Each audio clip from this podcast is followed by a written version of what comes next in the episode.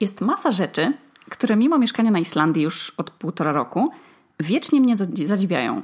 I może niekoniecznie tak, że stoję z rozdziewaną buzią, wiadomo, ale to są rzeczy, do których musiałam się przyzwyczajać długo i które nadal mnie dziwią. I leżałam ostatnio o drugiej w nocy, zwinięta w supeł, i zastanawiałam się razem z Amadeuszem, co by mi pomogło w mojej niedoli kryzysu zdrowia psychicznego. I wymieniłam trzy rzeczy, z których te trzy rzeczy były niemożliwe. I było to e, sześć paczek papierosów wypalanych naraz, e, druga była czekolada Milka z truskawkami, a trzecia to pierogi ruskie mojej mamy. I pomyślałam, hola, przecież ja mieszkam w kraju, gdzie jest więcej Polaków niż, niż rodowitych mieszkańców wyspy. Przecież to jest nienormalne, że nie ma baru mlecznego, gdzie można zjeść różne pyszne rzeczy, które tak naprawdę to, to, są, to są nasze marzenia, żeby je zjeść. I to jest niemożliwe. I, I czemu? Jak jesteś z Azji, to wszędzie, w każdym, nawet najmniejszym mieście, zawsze jest jakieś żarcie azjatyckie. Jak jesteś z Włoch, to tak naprawdę wszędzie są, jest jakaś knajpa włoska. Jak jesteś z Ameryki, to też masz burgera z frytkami wszędzie, możesz na każdym kroku zjeść. A pierożki? A bigosik? Jak to jest w ogóle możliwe, że, że ja sobie nie mogę tutaj pójść i zjeść pierogów, kiedy chcę? I w Reykjaviku jest strasznie mała różnorodność knajp. I w kraju, w którym mieszka tylu Polaków, powinna być przynajmniej jedna duża, popularna restauracja z polskim jedzeniem. A nie ma. Jest tylko w takim zagłębiu taksówkarskim taka stołówka dla taksówkarzy, która właśnie jest polska. I my tam poszłyśmy z Anetą ostatnio na klopsy, ziemniaki, surówki i kopiec kreta. Jezu, ta, ta pulpetowość tego klopsa, ten pyszny ziemniak z wody, ta marchewka tarkowana i ta modra kapustka, to wszystko, ten, ten set nakładany na widelec, to, to, a potem nakładany do buzi, to sprawiło, że ja na nowo pokochałam Polskę. Pra, prawie namalowałam sobie farbami polską flagę na policzkach i bez kitu chyba zrobię to następnym razem. Ja kocham to miejsce i mimo, że nie jem mięsa, to zjadłam tam tego nieinstagramowego pulpeta, a potem kopiec kreta, puszysty niczym pierwszy śnieg. I ten, to był super doskonały dzień i fantastyczny posiłek, który zaspokoił moje emigracyjne żądze. Do zaspokojenia mam jeszcze pragnienie knopersa w formie batonika, yy, który nie istnieje jeszcze w polskim sklepie, ale marzę o nim i odliczam dni. Mam nadzieję, że, że wkrótce dołączy również do naszej emigracyjnej społeczności.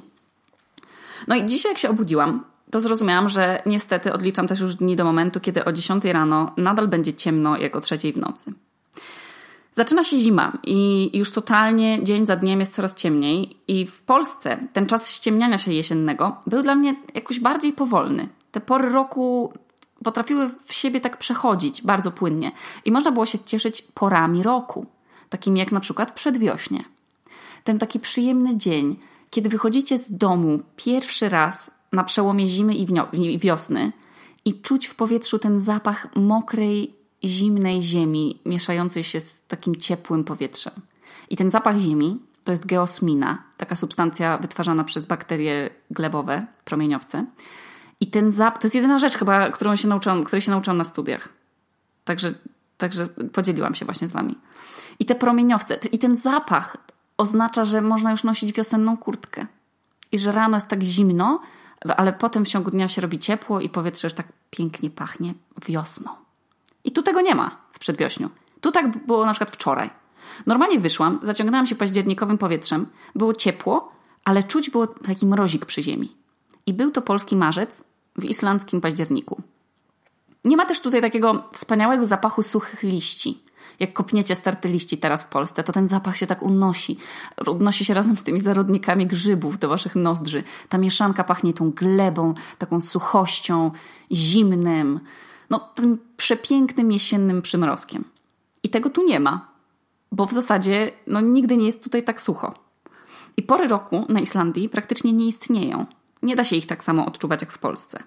Jak się uprzecie, to możecie w całe, wszystkie sezony w, na Islandii przenosić tę samą kurtkę. Tak jak ja na przykład cały rok noszę wełniany płaszcz, tylko że latem ten wełniany płaszcz nakładam na t-shirt, a nie na sweter i podkoszulkę z wełny merynosa. I najdziwniejsze jest tutaj to życie z rytmem światła, że autentycznie latem, jak, jak już, tak już jakoś od maja, zaczyna się wydłużać dzień. Tak widocznie. I dochodzicie do momentu, kiedy jest najdziwniejszy czas w roku ever, czyli jest przesilenie, macie coraz więcej energii, bo jest bardzo długo jasno, taki niepokój was ogarnia i zaczynacie mega dziwnie spać, bo jeszcze niedawno było ciągle ciemno i chciało się spać już koło 20, a teraz nagle o 22 jest jasno i, i w ogóle nawet nie zapowiada się na zachód słońca. I są dwa takie momenty w roku, kiedy czuję, że wariuję. Czyli pierwszy jest wtedy, kiedy dzień się wydłuża i o porze, w której już normalnie ziewałeś, jest nadal jasno, czyli w maju o 18. A potem jest jeszcze taki dziwniejszy czas w roku, czas, w którym wszystkie rośliny na Islandii chcą umrzeć, a ich właściciele na grupach na Facebooku szukają różnych sposobów na podtrzymywanie ich przy życiu. Na przykład kupując żarówki imitujące dzienne światło, albo jakieś nawilżacze powietrza i, jakieś nawozy wymyślne. I przychodzi taki czas, kiedy tak naprawdę śpicie 24 godziny na dobę.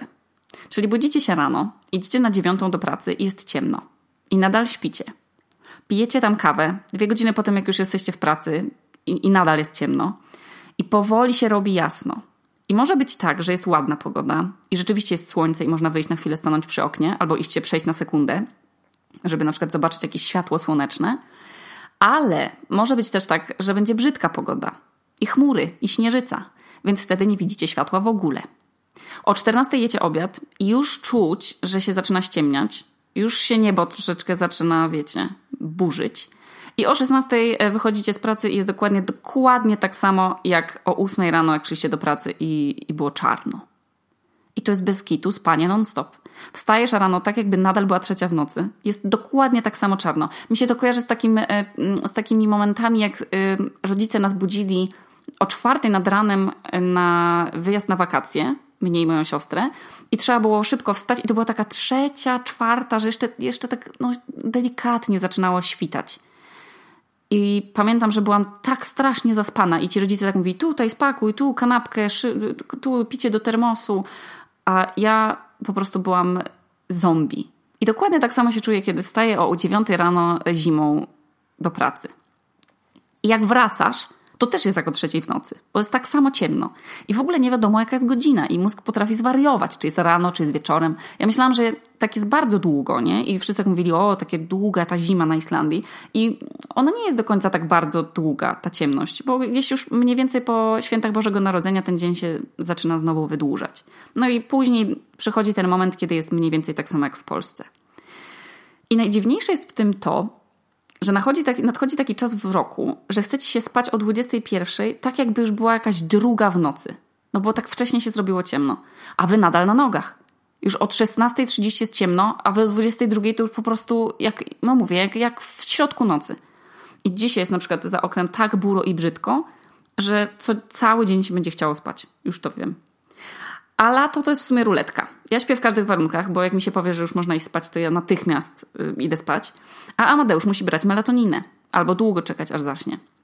Nigdy się nie robi latem ciemno, więc w tym roku zasuwaliśmy rolety, a o rolety opieraliśmy takie tekturowe ramki i mniej więcej było buro w pokoju, także się dało spać. Ale można zwariować, naprawdę, bo latem odzwyczajasz się od tego, jak wyglądają gwiazdy i nie możesz sobie przypomnieć, jak to jest, jak jest czarne niebo.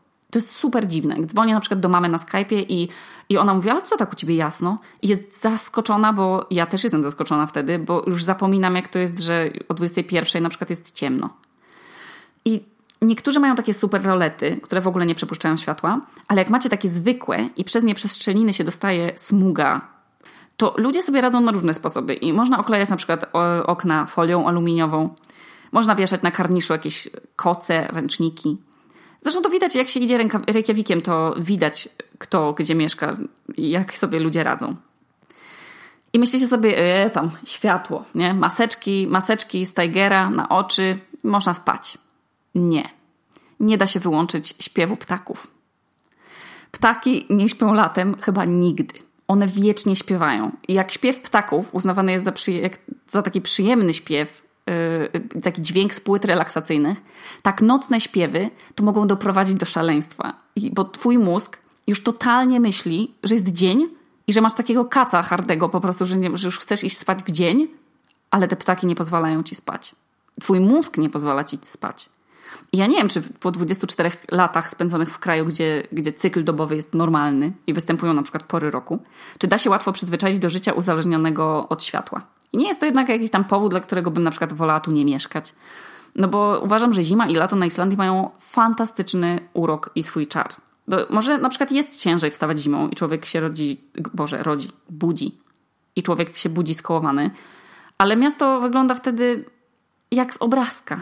I wszyscy mają ozdobione lampkami sklepy i okna, i po pracy się chodzi do knajp, albo pod kocyk do domu pochillować, albo się czeka na zorzę polarną. Zimą też zamarza jeziorko w centrum i można sobie po nim chodzić na, wysp na wyspę taką, gdzie się siedzą łabędzie. I w tych domkach przepięknych z blachy ludzie wieszają w oknach różne te dekoracje z Ikei piękne. I zimą się tu naprawdę robi tak przytulnie i uroczo, że i można bardzo dużo spać, więc to jest bardzo miła pora roku.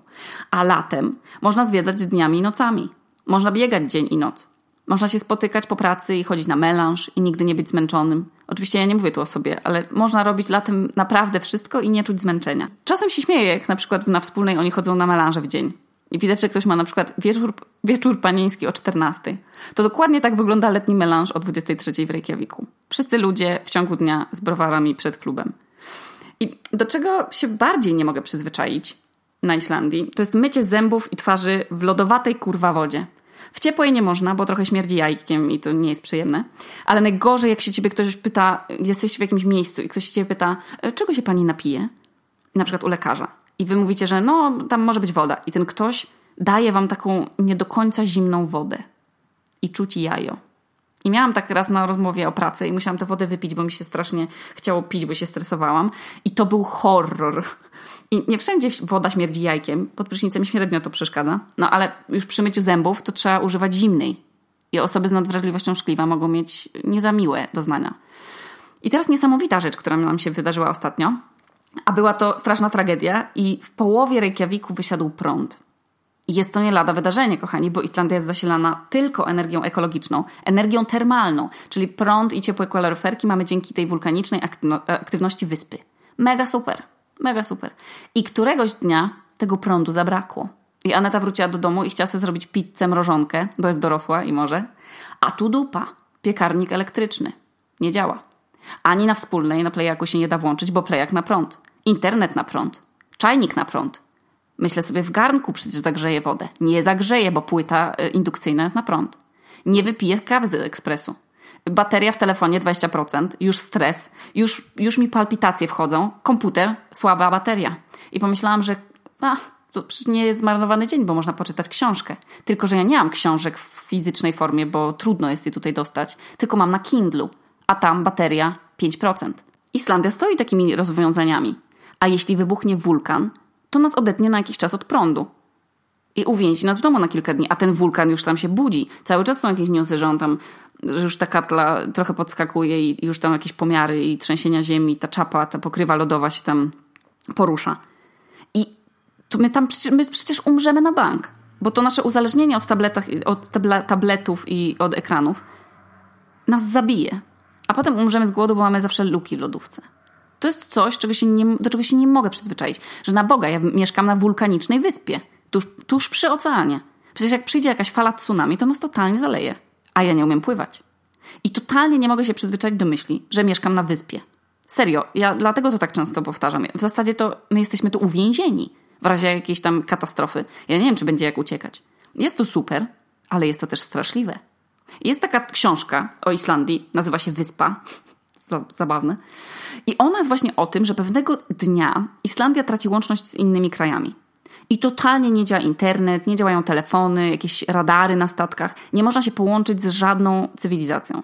I najpierw myślą, że spoko, że zaraz tam łączność wróci, ale mijają dni, miesiące i nie można się skontaktować z żadnym krajem.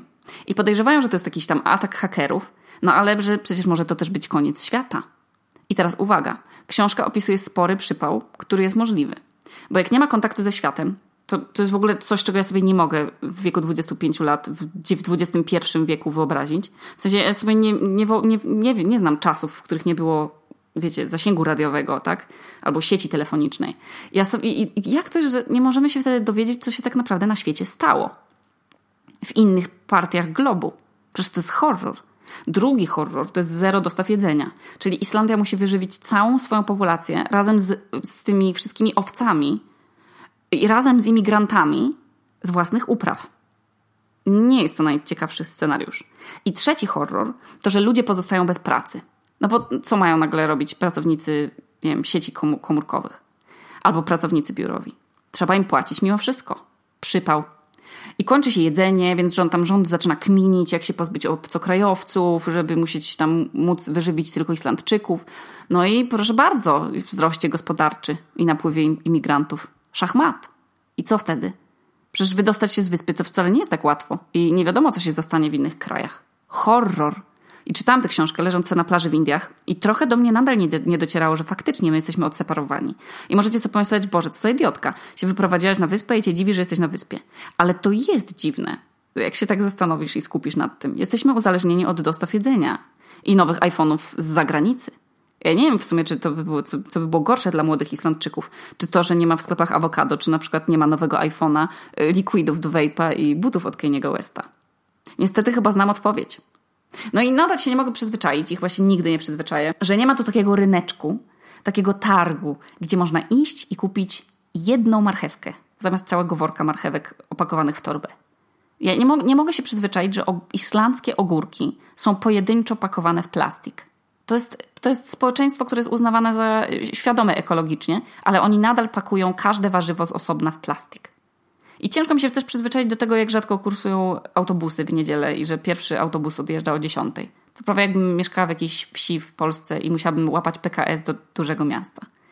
I, i tak mi się tu dobrze mieszka. Jakby ja pół roku śpię, pół roku słucham ciągle ptaków. I za bardzo się chyba przyzwyczaiłam do wszystkich plusów mieszkania tu na Islandii. Ale o tym chyba nagram osobny odcinek. I dziękuję za dziś i pozdrawiam Karola, mojego jak dotąd jedynego hejtera, który nazywa kanapkę Rizy z kanapką Snickers. I nie dociera do niego, że Snickers przecież ma jeszcze karmel, który odróżnia te dwa rarytasy od siebie. I nie można ich mylić. To jest godne politowania. No, tu Okuniewska. Jak zwykle z piwniczki z Reykjaviku. A to był odcinek o przyzwyczajeniach.